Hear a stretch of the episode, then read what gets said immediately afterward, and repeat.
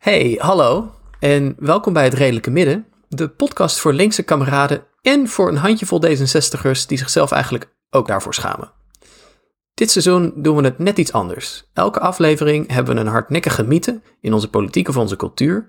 Mythes die zo alomtegenwoordig zijn dat ze de linkse verbeeldingskracht verstikken. We ontmaskeren de onzin achter die mythes en zetten er een ander denkbeeld tegenover. In de vorige aflevering ging het bijvoorbeeld over dat millennials nog konden opgroeien met de valse belofte dat alles alleen maar beter zou worden en dat de groei oneindig was. Vandaag borduren we daarop verder.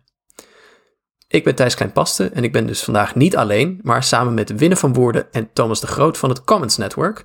Uh, hartstikke leuk dat jullie er zijn. Jullie waren vorig weekend al samen met Dennis en Pim op het 2DH5 Festival in Amsterdam.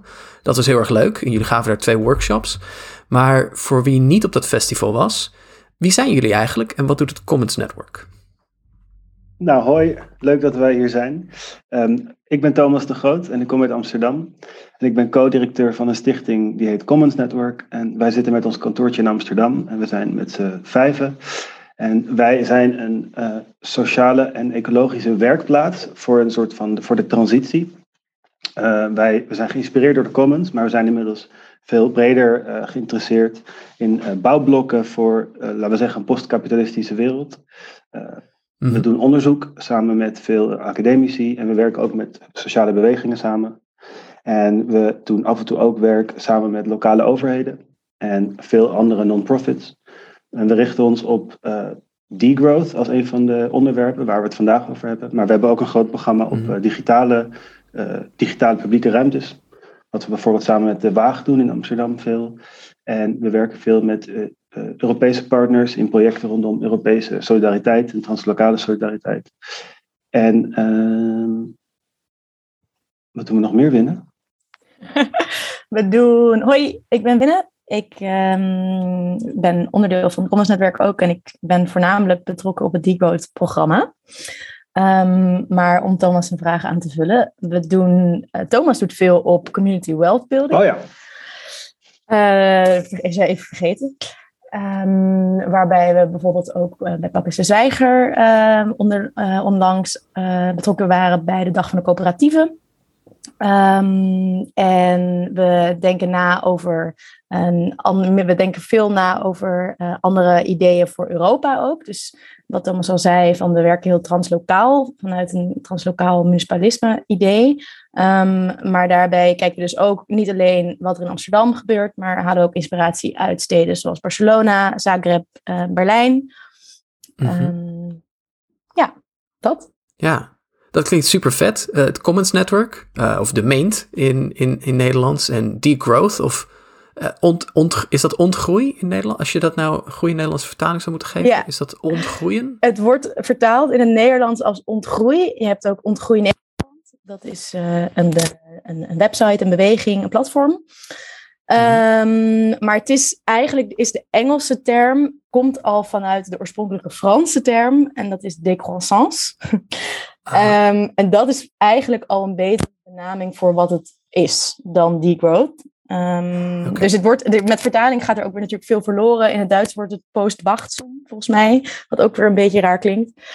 Um, maar klopt, Nederlands zou je ontgroei noemen. Maar veel mensen houden het bij degrowth eigenlijk, ook als ze in het Nederlands erover praten. Ja, en, en ik denk dat wij in de rest van deze aflevering het ook op uh, degrowth zullen houden. Uh, want de mythe van deze week, luisteraar, zoals je misschien hebt kunnen raden, is dat groei goed is. Uh, het is een mythe, want het is niet zo.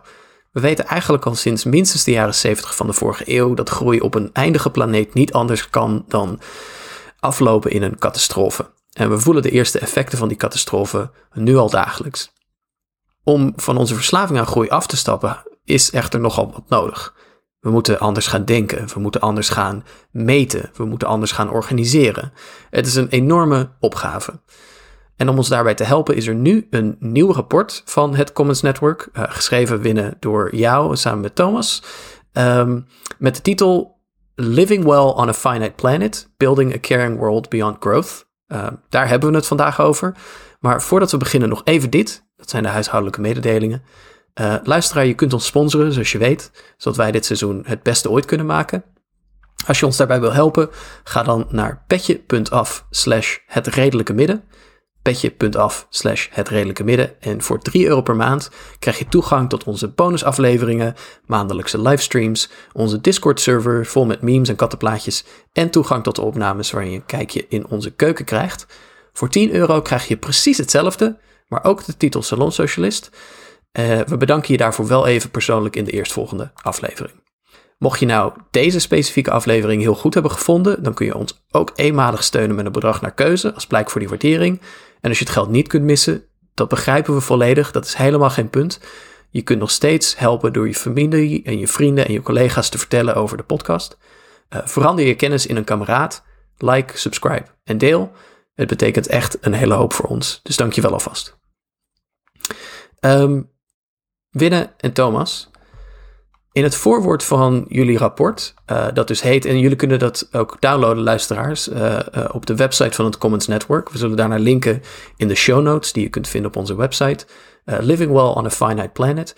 Jullie hebben het in het voorwoord heel erg dat de pandemie, waar we al twee jaar doorheen leven, als een gebeurtenis die zeer nadrukkelijk heeft blootgelegd dat degrowth niet alleen wenselijk, maar ook gewoon echt noodzakelijk is. Um, kun je uitleggen waarom dat zo is? Zeker. um, ja, ik denk in het begin van het rapport halen we inderdaad een quote aan van de FADA Alliance, Feminist and Degrowth Alliance. En uh, zij hebben een, uh, een, ook een rapport geschreven, of eerder een lang artikel. Dat heette um, From Pandemic to Careful Degrowth. Mm -hmm. um, en in principe wat zij, wat, wat hun analyse is en wat wij overnemen, is dat de pandemie eigenlijk een uiting is van een uh, extractief kapitalistisch systeem. Uh, dat enkel stabiel blijft als het uh, blijft groeien. Um, dus het is eigenlijk voortdurend in expansie. En als je een economie hebt die daarop gebaseerd is, dan is vernietiging van het, van het leefmilieu van bepaalde diersoorten, dat is daarvoor onvermijdelijk. Dus dat hoort er eigenlijk bij. En dat kan dus uh, daardoor weer leiden tot meer zoonoses, zoals we dat noemen. Dus -hmm. inderdaad pandemieën die ontstaan zijn in, in dieren. -hmm. um, dus dat is eigenlijk de analyse die we maken van uh, de pandemie is een uiting van een breder extractief economisch systeem. En dus daarmee zien we dat dat niet meer houdbaar is en dat we absoluut naar iets anders toe moeten onze, onze aanslag op de planeet zorgt er in feite voor dat de overdracht van ziektes die normaal gesproken alleen onder dieren onderling uh, circuleerde en hen niet zoveel deden, nu uh, op mensen worden overgedragen en dus wereldwijde consequenties hebben. Ja, ja, wat we in feite aan het doen zijn, is eigenlijk uh, de natuurlijke balans van ecosystemen volledig uh, aan het ontwrichten. Mm-hmm. uh, dat, dat is wat we doen. Dus daarmee, kijk, virussen zijn niet per se een probleem als, ze gewoon, als we verder niets um, met de habitats doen waar, waar diersoorten die dat met zich meedragen, dat we daar iets aan veranderen, wat uiteindelijk tot een pandemie zou kunnen leiden. Mm-hmm. Dus dat is eigenlijk de, ja, een beetje de inhoudelijke de verhaal daarachter. Oké. Okay. Um, Thomas, wilde je daar iets aan toevoegen? Ja, ik denk dat wat Winnen nu zegt gaat vooral over het virus en de, zeg maar, de biomedische toedracht. Maar ik denk dat we in de, hoe de pandemie zich heeft ontvouwen uh, ook heel veel hebben kunnen zien wat uh, aanleiding geeft om over degrowth te beginnen. He, de, de, de economie viel grotendeels stil tijdens de, de eerste lockdown. En uh, wat er overbleef was wat volgens de regering essentieel was in onze samenleving. Uh, apotheken, dokters, uh, maar ook supermarkten en tuincentra. En, en er viel een hele hoop koopgedrag weg. En dat bleek dan toch niet zo heel erg nodig, want we gingen gewoon door met leven. En tegelijkertijd konden we ons afvragen, zijn die pretvluchten van Schiphol, die dus blijkbaar wel essentieel waren, maar die moesten doorgaan, waren die dan wel essentieel? Of de bouwmarkten? En dat maatschappelijke gesprek hebben we volgens mij helemaal niet op een goede manier gevoerd in Nederland. Um, maar het is wel het begin van een gesprek over degrowth. Wat is eigenlijk genoeg? Wat is essentieel? En wat zijn eigenlijk onze basisbehoeften behalve eten en drinken en een dak boven ons hoofd? Is dat misschien ook iets sociaals?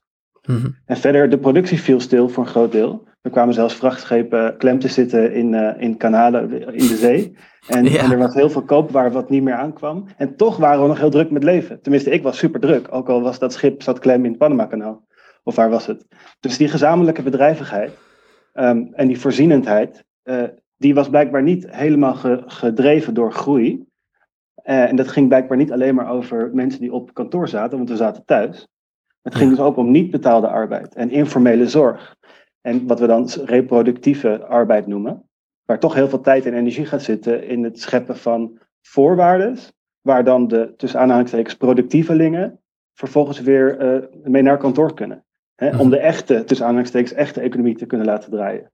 Dus zelfs toen de, zeg maar, de Rutteaanse economie stilviel, werd eigenlijk pas duidelijk hoe uh, omvangrijk de reproductieve economie is. Thomas, je zegt daar iets heel interessants, denk ik, over het verschil tussen de uh, Rutteaanse economie en de reproductieve economie. Uh, Win, ik geloof dat jij daar dieper op kan ingaan. Wat is dat, wat is dat verschil precies? Wat moet ik me daarbij voorstellen? Ja. Ja, de term reproductiviteit komt ook uit het feministisch denken mhm. uh, en um, verwijst eigenlijk naar alle, alles wat wij doen uh, in een samenleving en dus onderdeel is van de economie.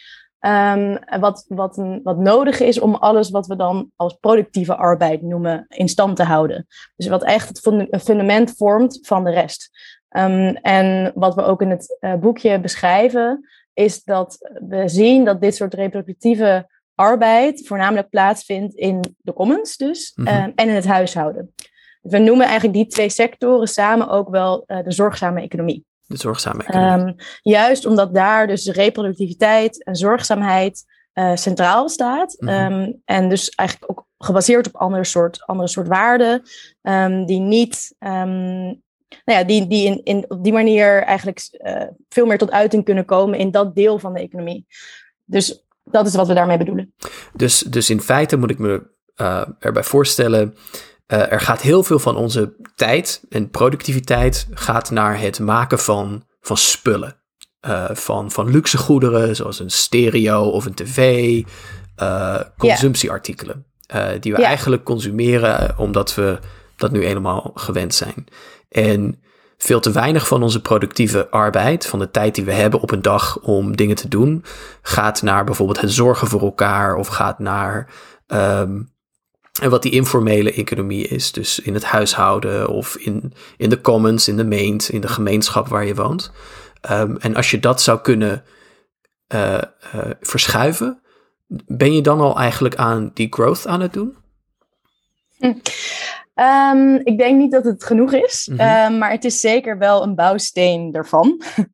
um, ik denk, wat je net beschreef gaat echt over dat gecommodificeerde. Hè? Dus alles wat een prijskaartje krijgt. Mhm. En dus ook uh, meetelt in het bruto nationaal product. Waar we het vast later ook nog over zullen hebben. Ja. Um, dus dat is inderdaad het gevolg van... Uh, dat is waarom het gevolg van een degrowth economie een krimp is van het bruto nationaal product. Omdat er eigenlijk meer van onze activiteiten zullen plaatsvinden... in dus die zorgzame economie waar reproductieve arbeid gebeurt. En niet per se iets wat productief is volgens de standaard economisch, uh, economische indicator van het BNP. Ja, misschien is het wel een heel goed idee om even naar dat BNP te gaan, het bruto nationaal product, uh, om, om, om daar eens wat dieper in te gaan. Uh, zoals ik het begrijp, is de gedachte waaronder we nu onze economie organiseren, heeft heel erg veel te maken met de noodzaak voor kapitaal om winst te maken.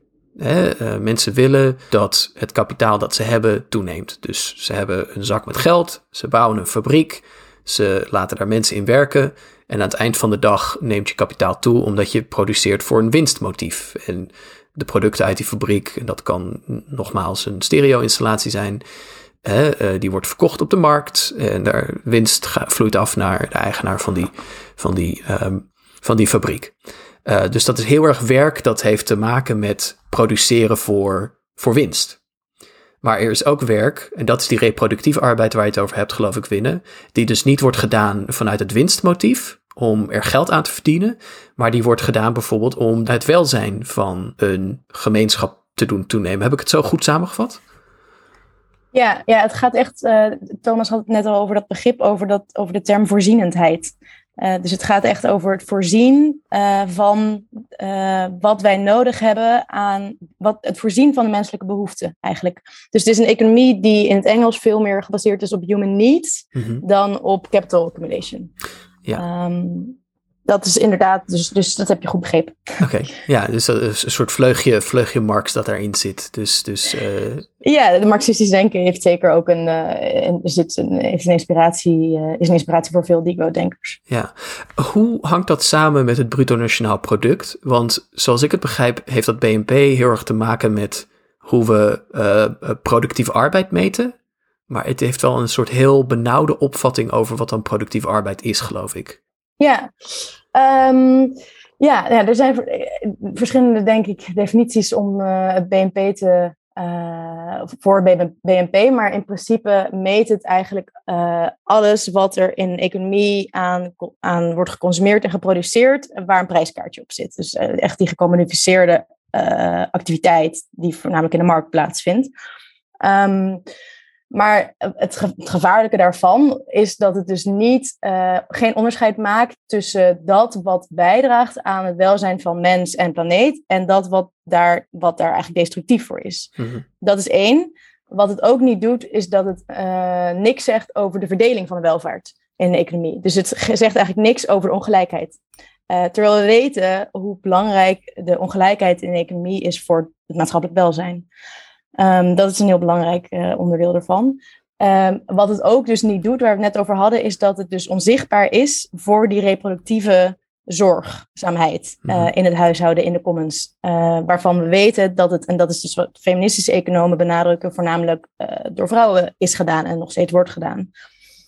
dus dat zijn eigenlijk verschillende ja, dimensies van het bruto nationaal product, waar we al sinds dat het bedacht is, uh, en dat is nog niet zo lang geleden, was in, uh, in, in uh, 1930. Mm -hmm. Het is in de, zeg maar, de post-interwar period. Eh, wisten we toen al, en toen werd er ook voor gewaarschuwd van, jongens, gebruik dit nooit als maatstaaf om e-, het welzijn van economieën te vergelijken. En toch is het gebeurd. dus dat, dat is wel heel interessant. En er zijn genoeg boeken over geschreven waarom dat nou ook zo is. Um, maar goed, dat, dat, is, dat is ook waarom een, uh, zeker een onderdeel van een decode-economie of een decode-transitie is. Uh, dat we toe moeten naar uh, bredere welvaartsindicatoren, die ook al gewoon op tafel liggen. Ja. in Nederland heb je de brede welvaartsindex. Um, ik denk dat het eerder brede welzijnsindex zou moeten heten, want het gaat niet meer dus over, het gaat over welzijn, niet over welvaart. Maar goed, als je dan toch een term hebt bedacht, is het misschien veel werk om die weer helemaal opnieuw te bedenken. Ja. Als hij een beetje geland is. Maar goed, dat is ook weer eh, waar we later natuurlijk ook over zullen hebben. Uh, als je uh, de indicator hebt veranderd, dan ben je er nog niet, zeg maar. Uh, ja, als ja. je in een auto zit en je hebt alleen de snelheidsmeter veranderd, maar je doet niks aan de, aan de fuel, dan zit je, uiteindelijk ben je nog steeds, zeg maar, in een...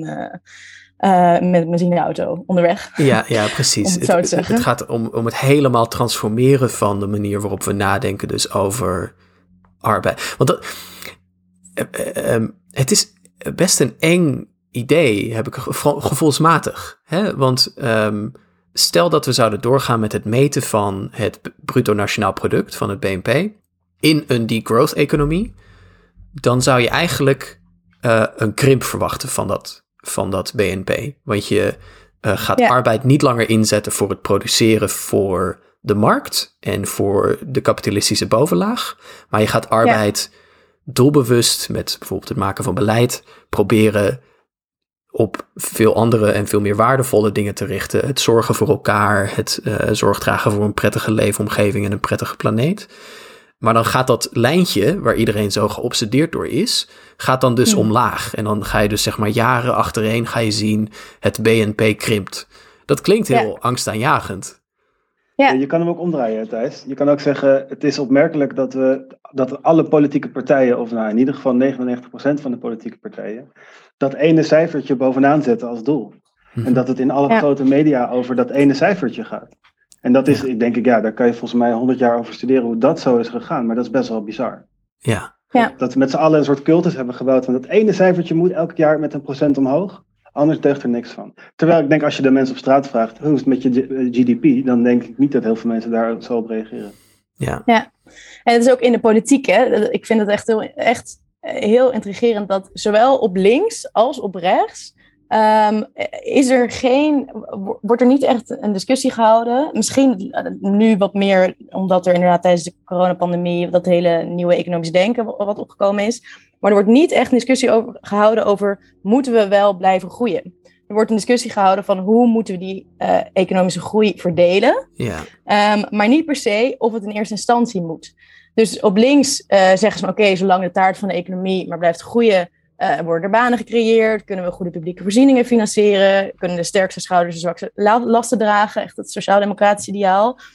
Uh, valt er meer te verdelen eigenlijk voor hen die achterblijven. Mm -hmm. En bij rechts, op rechts is het, uh, ja, zolang de economie blijft groeien, is vrij ondernemerschap mogelijk, hebben bedrijven een goede afzetmarkt, blijft de, de staatsschuld binnen de perken, dat soort dingen. Mm -hmm. um, dus, dus dat is, vind ik ook echt heel interessant interessant. Ik denk dat dat daarom ook uh, ja, voor, heel veel, uh, voor heel veel mensen en voor ook binnen de politiek het degrowth denken gewoon echt een, een soort van opschudding is. Van oké, maar wat, wat betekent dit voor ons partijprogramma's en hoe verhouden we ons hiertoe?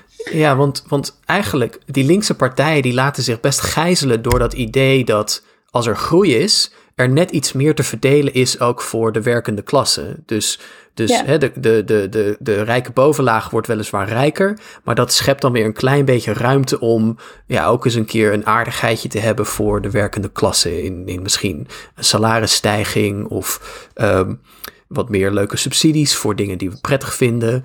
Um, maar heel erg blijven ze een soort binnen dat idee van als er groei is, dan is er ook een klein beetje meer van de taart voor, voor ons. Terwijl ze dus niet ja. denken, het moet eigenlijk helemaal getransformeerd worden. Vergeet het bruto nationaal product. Doe alsof het nooit bestaan heeft. En ga het over andere dingen hebben.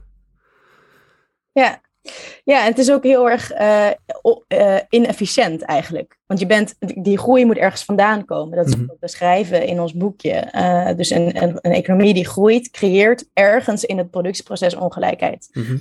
Um, en wat je dan vervolgens dus zou doen, is dat je dan aan het eind weer gaat herverdelen. In plaats van van tevoren al na te denken over een economie die in eerste instantie al rechtvaardig is. Mm-hmm. En die in eerste instantie al werkt voor iedereen. Dus, dus dat vind ik ook uh, ja, gewoon heel erg interessant aan het, aan het links, uh, linkspolitiek, die, die, um, die nadenkt over progressieve programma's. Mhm. Uh, maar goed, het is natuurlijk ook het hele idee van progressief. Progressieve politiek was ook heel lang van het zal altijd beter worden. Um, dus Ja. dat is denk ik ook daarmee het degrowth denken, um, ja, om, dat, om het daarmee te verenigen. Uh, dat, dat is gewoon, dat kost even tijd. Ja, het zal, het zal ons veel waard zijn als Lilianne Ploemen gewoon bij Nieuwsuur zit en geconfronteerd wordt eh, met een soort puntenwolkje of een kostenplaatje of een cijfertje. eh, eh, en dat ze dan gewoon een keer zegt, daar geef ik geen fluit om, want het is niet belangrijk. Ja. ja. Ik moet wel zeggen, en ik bedoel, ik ben eh enorme degrowth eh, eh, propagandist, maar ehm, als je nu aan Ploemen of Klaver zou moeten zeggen, ga juist een campagne voeren op we gaan niet meer economisch groeien, en ik weet eigenlijk niet zo goed hoe ik het allemaal nog moet betalen vanaf nu.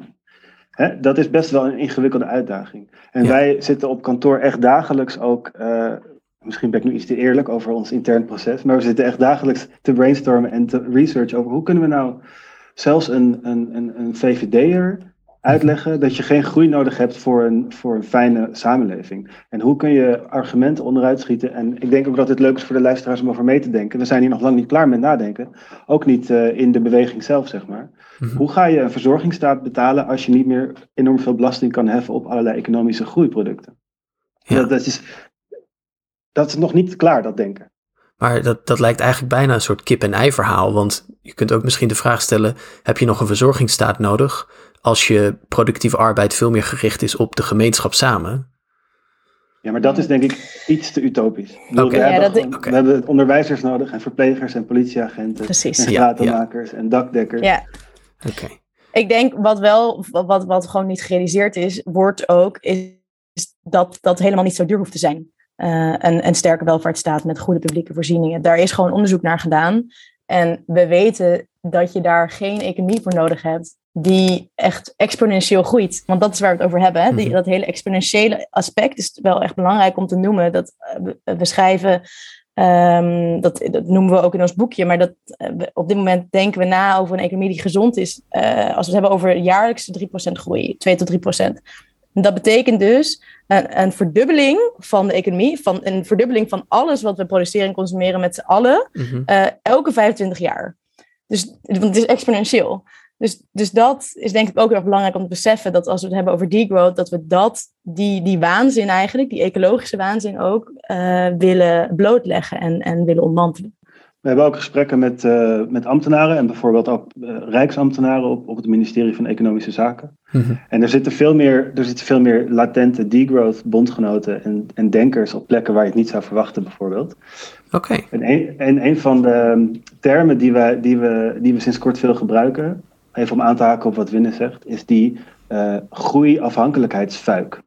Hm. En ehm, dus we hadden het net over utopie en of dat wel, uh, of, hoe ver we willen gaan in ons uh, fantaseren over een andere toekomst. Je kan al beginnen met zeggen, we gaan een aantal van de groeifuiken, waar we ons hele politieke en maatschappelijk en bestuurlijke systeem afhankelijk van een bepaalde ideologie maken, gaan we veranderen als strategische uitgangspositie. En een goed voorbeeld daarvan is bijvoorbeeld de Tata Steel fabriek in IJmuiden. Mm waar, waarvan we zeggen, we moeten groeien. Dat is, dat is de premisse. Dus moet die fabriek daar blijven. Want dat wil de vakbond ook. Dat wil zelfs Greenpeace en dat wil zelfs GroenLinks en de SP. Die fabriek moet blijven.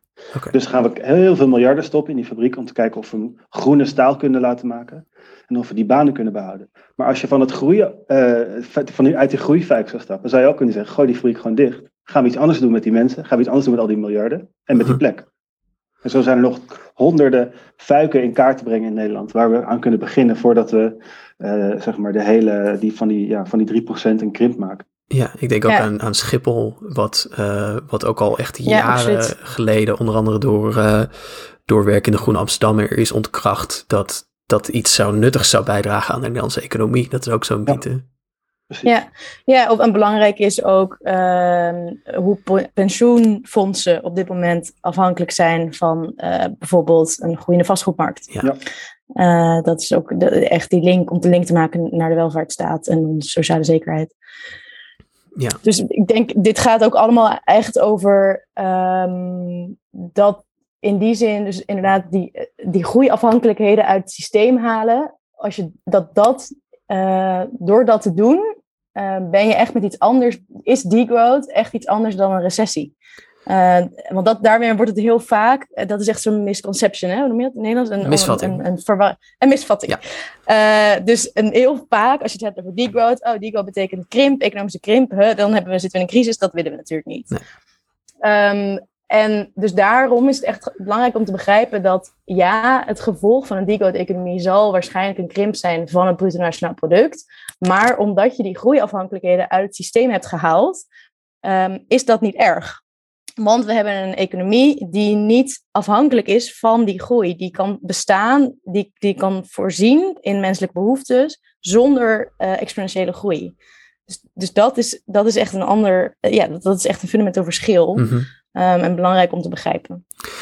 Um, ik wil wat vragen stellen aan jullie over, want we hebben het veel gehad over Nederland en wat je in Nederland zou kunnen doen om van die groeifuik, wat ik echt een mooi begrip vind, uh, af te stappen, om heel erg anders te gaan nadenken. Um, maar nou weet ik dat uh, de meest felle critici van degrowth um, dingen zeggen als als je op degrowth overgaat, dus afstapt van het idee van groei, dan gebeuren er, dan zeg je eigenlijk twee dingen die onacceptabel zijn in een wereldwijd perspectief. Namelijk één, de rest van de wereld die het nog niet zo goed heeft als het Rijke Westen, mag niet verder groeien. Uh, of mag maar groeien tot een heel beperkt nieuw welvaartsniveau. En twee, de westerse heel rijke landen, Canada, de Verenigde Staten, West-Europa, Midden-Europa, die moeten eigenlijk naar het niveau van een land als Rusland of van Brazilië of misschien op zijn best Griekenland hè, maar een heel, heel ernstig verminderd welvaartsniveau. Iedereen moet heel veel gaan inleveren en daar gaan mensen nooit mee akkoord. Uh, ze willen namelijk uh, de zonvakantie en ze willen uh, barbecuen en ze willen, hè, dan heb je dat Mark Rutte idee. Um, ze willen al die luxe en ze gaan nooit bereid zijn om dat op te geven. Ehm, wat kan ik nou, zeg maar, als ik het met mijn oom heb uh, bij het familiediner en mijn oom zegt, ja, maar dat gaat natuurlijk nooit gebeuren. Wat, uh, hoe, hoe kan ik daar nou proberen een gat in te schieten? Winnen, misschien, uh, misschien kun jij uh, deze oplossing aller oplossingen voor ons aanreiken. ja.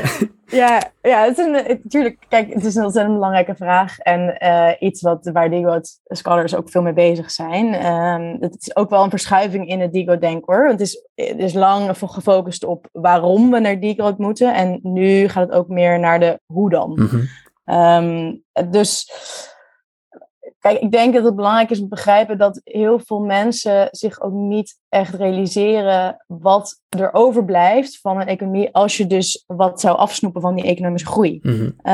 um, want we weten van onderzoek dat er, uh, dat er helemaal geen, um, uh, er zit helemaal geen uh, directe relatie tussen maatschappelijk welzijn en economische groei. Mm -hmm dat bestaat helemaal niet. Er is, er is een soort van, um, uh, zeg maar, een, uh, een saturation curve. Mm -hmm. een, uh, een, een verzadigingscurve. Ja, ver verzadigingspunt. um, dus in het begin, ja, precies. Dus in het begin is economische groei nodig voor een land om ehm, voor de financiële middelen die nodig zijn om publieke sectoren ehm, op, te, op, te, op te zetten, uit te rollen. Um, maar dat punt, dat hebben rijke landen, waaronder Nederland, echt al lang en breed uh, gepasseerd. Mm -hmm. um, dus op dit moment weten we dat eigenlijk elk beetje meer wat we nu aan het groeien zijn, zich alleen maar uh, uh, vertaalt in um, juist, dat noemen, dat noemen ze ook wel ILF in plaats van wealth. dus dat het, dat het overal oneconomische groei is, een term die ook al genoemd wordt. Dus dat het helemaal niet zo goed is voor de economie. Mm -hmm. Uh, en voor, voornamelijk omdat het dus eigenlijk een soort van tegen zijn eigen grenzen aanloopt. Dat wordt nu ook steeds vaker gezegd. Het kapitalisme loopt tegen zijn eigen grenzen aan. Um, omdat het alleen maar tot meer ongelijkheid zorgt. Omdat het uh, de, de ecolo het ecologische fundament ondermijnt. Um, dus wat dat betreft denk ik dat, en dat is inderdaad uh, waarom we denk ik ook hier zitten, van het is echt een hardnekkige mythe mm -hmm. uh, dat groei goed is dat, dat groei nodig is voor, voor de welvaartsstaat om die te kunnen bekostigen. Dat groei um, uh, prima is als je, er, als je het maar groen maakt uh, voor, um, voor de planeet. Dat je het nodig hebt voor de energietransitie. Dus ik denk um, dat dat echt een gesprek is wat we, wat we nu aan het hebben zijn. En maar wat we ook in de maatschappij gewoon veel meer zullen gaan voeren. Ja, ja. Ik, ik kan me herinneren dat er een. Discussie was, onder andere op Twitter en weblogs, tussen de Britse academicus Jason Hickel en uh, Branko Milanovic, volgens Milanovic, mij van de ex-Wereldbank. En Milanovic is echt een heel felle criticus. Uh, en ook niet altijd even eerlijk, als ik zijn argumenten zo soms las. Um, maar dat een van de elementen die ik interessant vond aan hun discussie was dat uh, Hickel die zei: ja. Maar nogmaals, de, de vraag over wat welzijn is en wat groei is en hoe we het meten, dat ligt zo met elkaar verbonden. Um, ja. Want stel dat er ergens, stel in, hij, ik geloof dat hij het voorbeeld gaf van India. Je hebt daar een dorp en bij, in, in alle redelijkheid, dat dorp is niet rijk en het is niet welvarend. En er zijn ook veel dingen die we niet goed vinden. Bijvoorbeeld de gezondheidszorg is erbarmelijk of de, uh, er is te weinig stromend water. Uh, en tegelijkertijd zie je op een soort economisch niveau dat hey, je had misschien een generatie geleden daar een familie en die waren arm, maar die hadden een klein lapje grond en twee geiten en waren in die zin zelfvoorzienend. En um, nu um, moeten de zoons en dochters van die familie misschien naar de grote stad verhuizen. Ze komen in een fabriek te werken. En ineens wordt hun arbeid geteld als productieve arbeid. Hoewel ze misschien in die stad op erbarmelijke uh, sociaal minimum leven, in slechte omstandigheden, misschien op de armoedegrens, wat ook weer een soort uh, verzinsel is, wat helemaal niets eigenlijk, geen, geen, geen echte, uh, echt minimum is. En de geit moest worden verkocht en het lapje grond is niet meer, levert geen, geen groente meer op. Dus dat die transitie van een soort primitievere vorm van economische activiteit, die heel veel mensen, denk ik, associëren met achteruitgang of met ouderwets, met, met, met onontwikkeld zijn, naar een zogenaamd ontwikkelde economie. Dus helemaal niet per se gepaard gaat, altijd met een toename in beleefd welzijn. Misschien is dit een voorbeeld waar, waar ik wel mee helemaal de plank missla. Maar dat, dat, bekleef, dat, dat had ik zo van hun, voorbeeld, van hun discussie. Dat, dat bleef zo bij me hangen. Ja.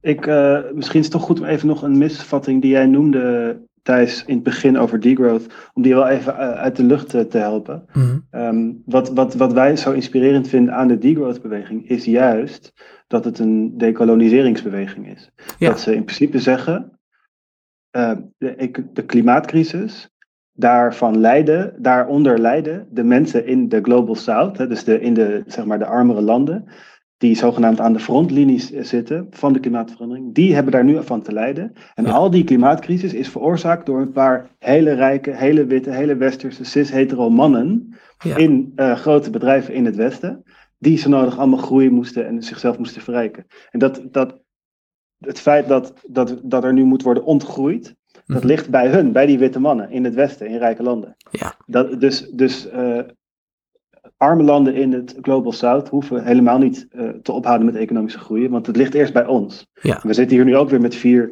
eh, witte, welgestelde, hoogopgeleide mensen te podcasten. Ja. Dus het, het zou een beetje misplaatst zijn om te zeggen, nee, die mensen in dat dorpje die zijn primitief, zijn veel gelukkiger met hun primitieve levensstijl. Ja, Weet je, het leuke aan degrowth is juist dat het bij ons de verantwoordelijkheid legt. Wij moeten eerst afremmen met economische groei en dan hebben we al heel veel winst geboekt. ja. Ja, het, het was niet, eh, zo, zo, het was, het was niet mijn eh, bedoeling om de indruk te wekken dat ik zoiets had van, oh, die, die, die, die, die primitieve mensen, die zijn toch gelukkig, laat ze met rust. Maar meer dat het meten van economische transformaties, van eh, het ene soort arbeid naar het andere soort arbeid, dus niet gelijk kan, gesteld kan worden met vooruitgang of met groei. Dus dat dat eigenlijk veel complexer is. Eh, maar ik, ja. Ja. goed, goed eh, Thomas, dat je dat even uit de lucht eh, haalt inderdaad. Want dat was niet, niet de suggestie. Ja, Als ik wat ik er nog aan wou, wou toevoegen, want wat Thomas zegt is heel erg belangrijk. En wat vaak ook eh daar, dat is inderdaad een belangrijke misvatting. Maar wat, wat ook hierbij het geval is, is dat die economische groei in zogenaamde geavanceerde economieën eh, in het Westen berust op een enorme toe-eigening van middelen en arbeid uit het zuiden. Ja. Dus het is, er zit nog eigenlijk een dimensie aan vast. Dus we, er is net, net een ehm, onderzoek ge- gepubliceerd van Hickel, die hier ontzettend veel op, eh, Jason Hickel, die hier heel veel op werkt. Mhm. Eh, dus echt op de, eigenlijk inderdaad zegt van degrowth is een postkapitalistische beweging, maar vooral een ontmanteling van de imperialistische wereldorde eigenlijk.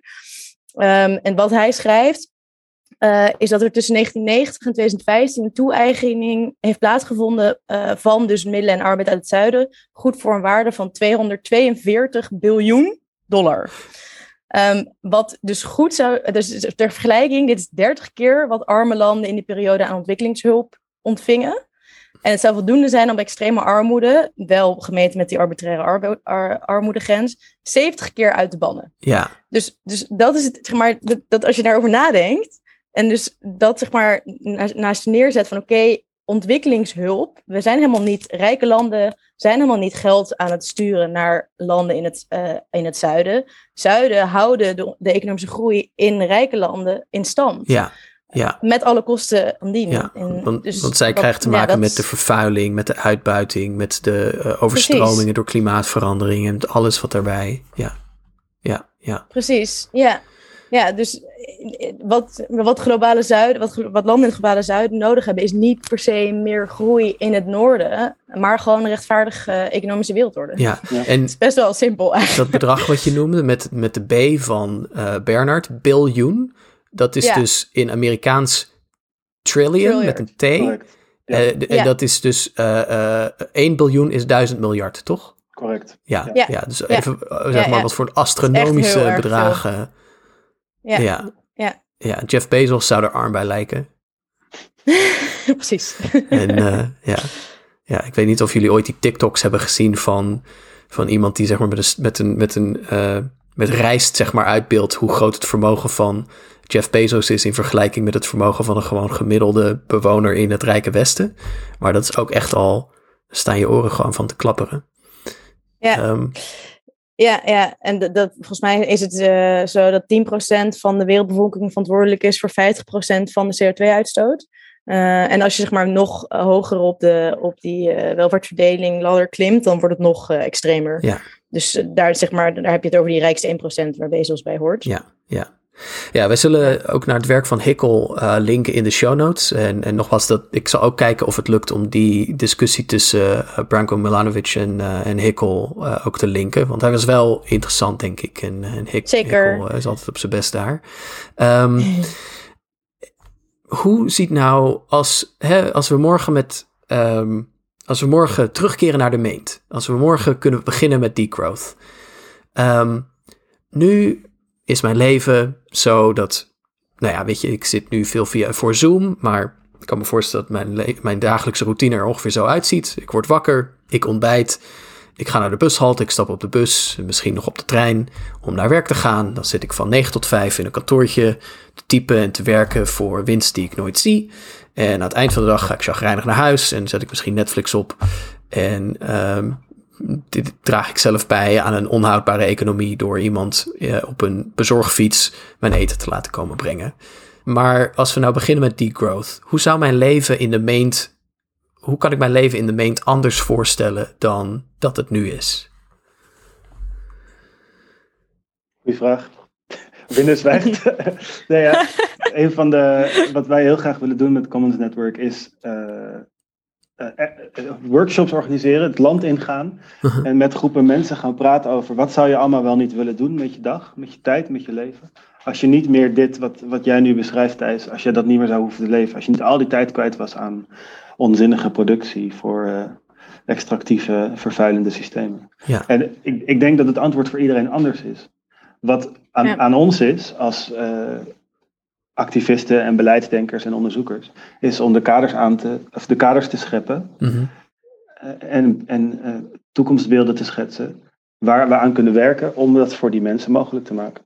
Ja. Uh, dus dat ook, kijk, daarom is denk ik, uh, dat beschrijven we in het boekje ook, dat, dat autonomie ook zo'n centrale kernwaarde is van een DIGO-transitie. Dat je mensen zelf eigenlijk in staat stelt om na te denken over wat voor leven je zou willen leiden. Mm -hmm. In plaats van dat je geleid wordt door een economie die, uh, die, die alleen maar moet groeien om stabiel te kunnen zijn.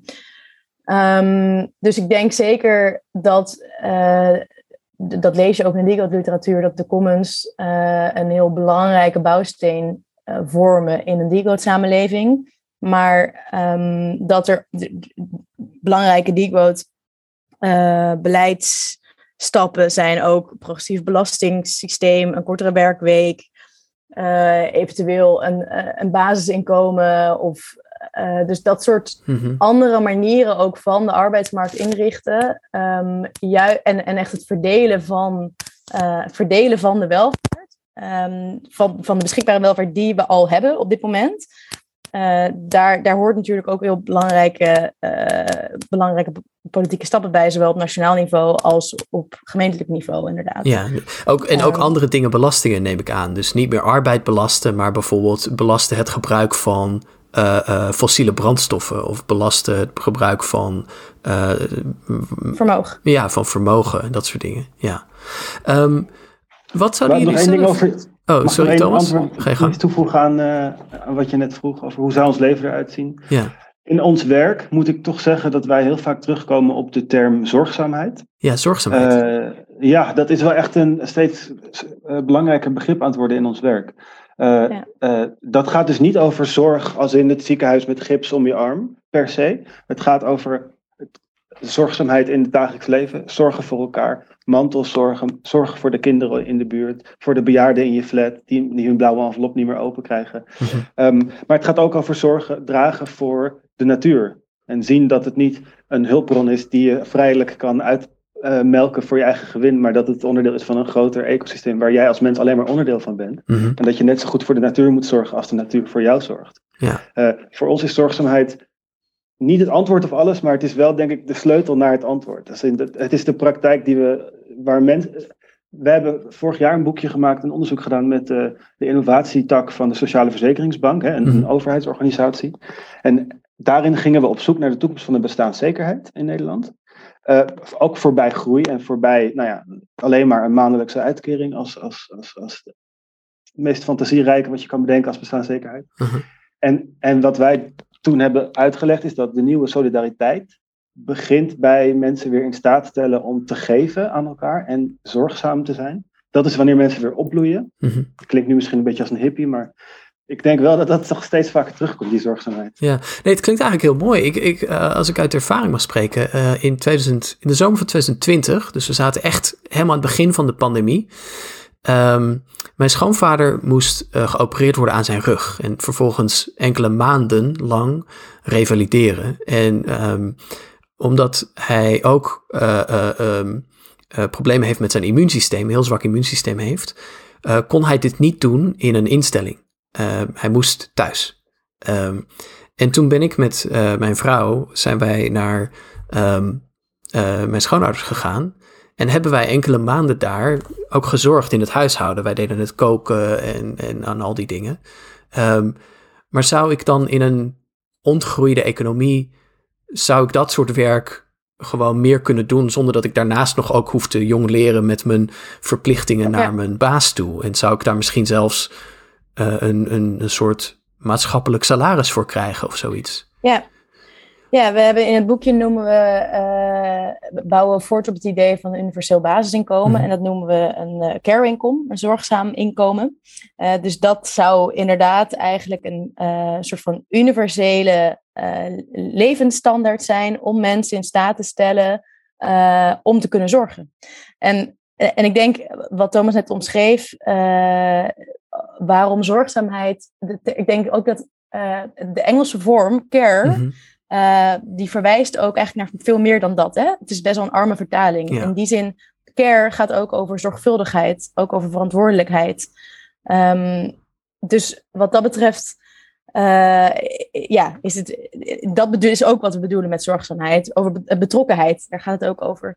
Dus, um, en in ons werk hebben we het inderdaad vaak over dus uh, niet alleen dat mensen een, uh, een, een, een van de fundamentele menselijke behoeftes niet alleen zorg ontvangen, maar ook zorg geven. Ja. Um, en dat verwijst heel erg naar het idee van wederkerigheid. Uh, dus dat je, dat, dat, je iets terug wil doen. Ja. Um, dat, dat zie je denk ik ook. En dat is ook wat we tijdens de pandemie denk ik heel veel zagen inderdaad. Dat, dat, waar we het in het begin over hadden van de pandemie liet niet alleen zien wat er mis was met het huidige economisch systeem, maar het gaf ook eigenlijk uh, uh, ideeën van wat, waar we naartoe moeten. Het gaf eigenlijk bloot naar wat voor economie we kunnen gaan. En wat er inderdaad belang, wat er echt aan de basis staat, wat er, wat, wat er nou belangrijk is voor ons maatschappelijk welzijn. Um, dus, dus dat is ook ja, waarom we dus inderdaad zorgzaamheid. Het, niet, het is niet alleen maar zo'n hippie term. Het is, Ja. het is echt een, best wel een radicaal uh, begrip. Uh, in, een paar maanden geleden hebben we met Commons Netwerk een manifest voor de zorgzame economie gepubliceerd. En daar uh, plaatsen we ook uh, de ethiek van zorgzaamheid als antithese voor het neoliberalisme. Dat is hoe we het daar noemen. De ethiek van zorgzaamheid als, echt dat, als antithese voor het neoliberalisme. Ja, ja, ja. Ik denk echt dat we het, dat, dat, dat we het zo moeten noemen. Ja, ja. Ja. Dus van, van, van neoliberalisme naar, uh, van, naar misschien naast de liefde, weet ik veel. Misschien uh, als het Ja. moet allitereren of zo.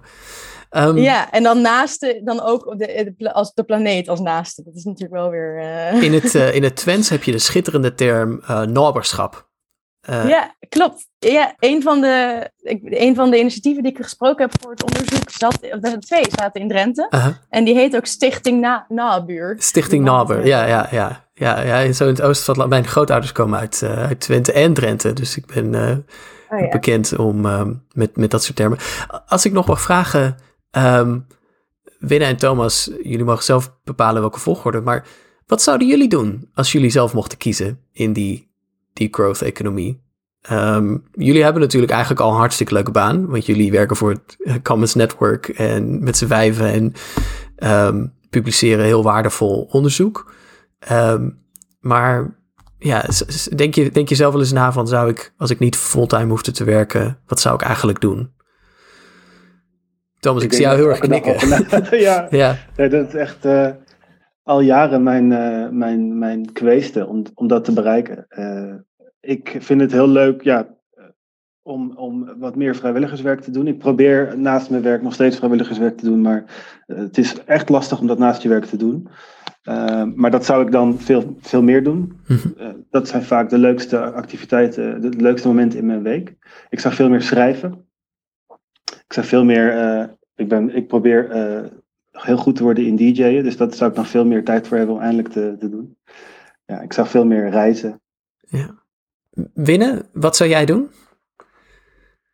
Um, ik zou het stukje vrijwilligerswerk, dat is iets wat ik uh, absoluut ook nog uh, heel veel probeer te doen. Um, dus echt betrokken blijven zijn in je buurt. Um, ik zou proberen nog meer uh, mijn opa te bezoeken, voor mijn broer te zorgen, met mijn moeder een goede tijd, ja, tijd door te brengen die kostbaar is.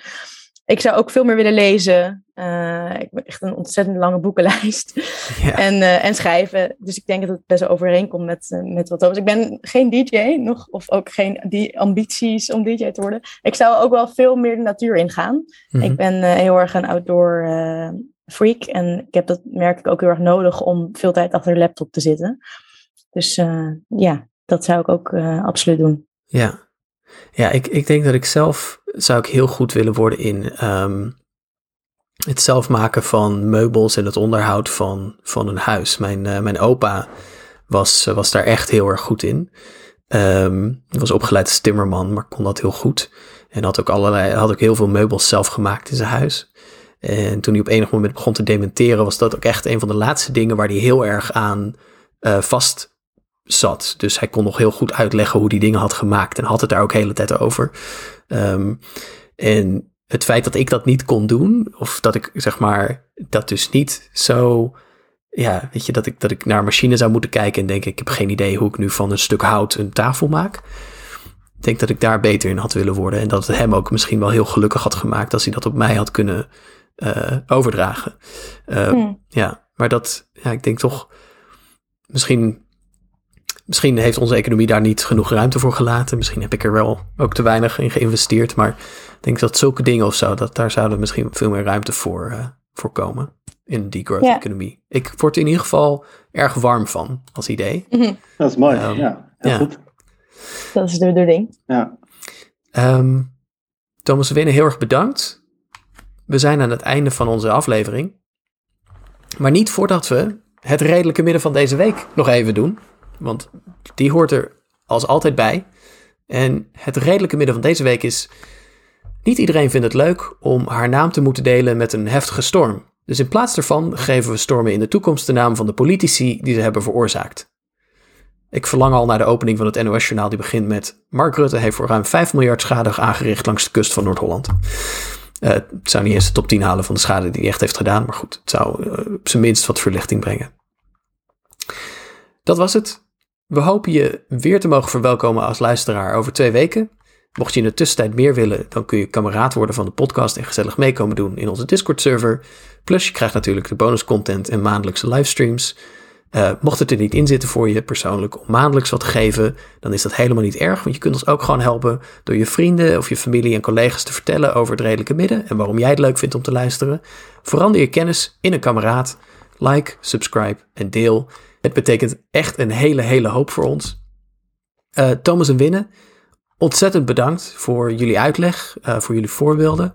Het rapport, luisteraars, kunnen jullie downloaden in de show notes. Dus als je het wil lezen, en ik kan het echt aanraden om het te doen, want het is uh, een hartstikke goed stuk. Je bent er ook niet te lang mee bezig. Het is heel kernachtig en effectief geformuleerd, met mooie voorbeelden uit de praktijk. Surf dan naar het redelijke midden .nl, waar je de show notes kunt raadplegen. En dan staat het rapport bovenaan. Bedankt in ieder geval voor het luisteren. En uh, tot over twee weken. Doei! Doei doei! Adieu!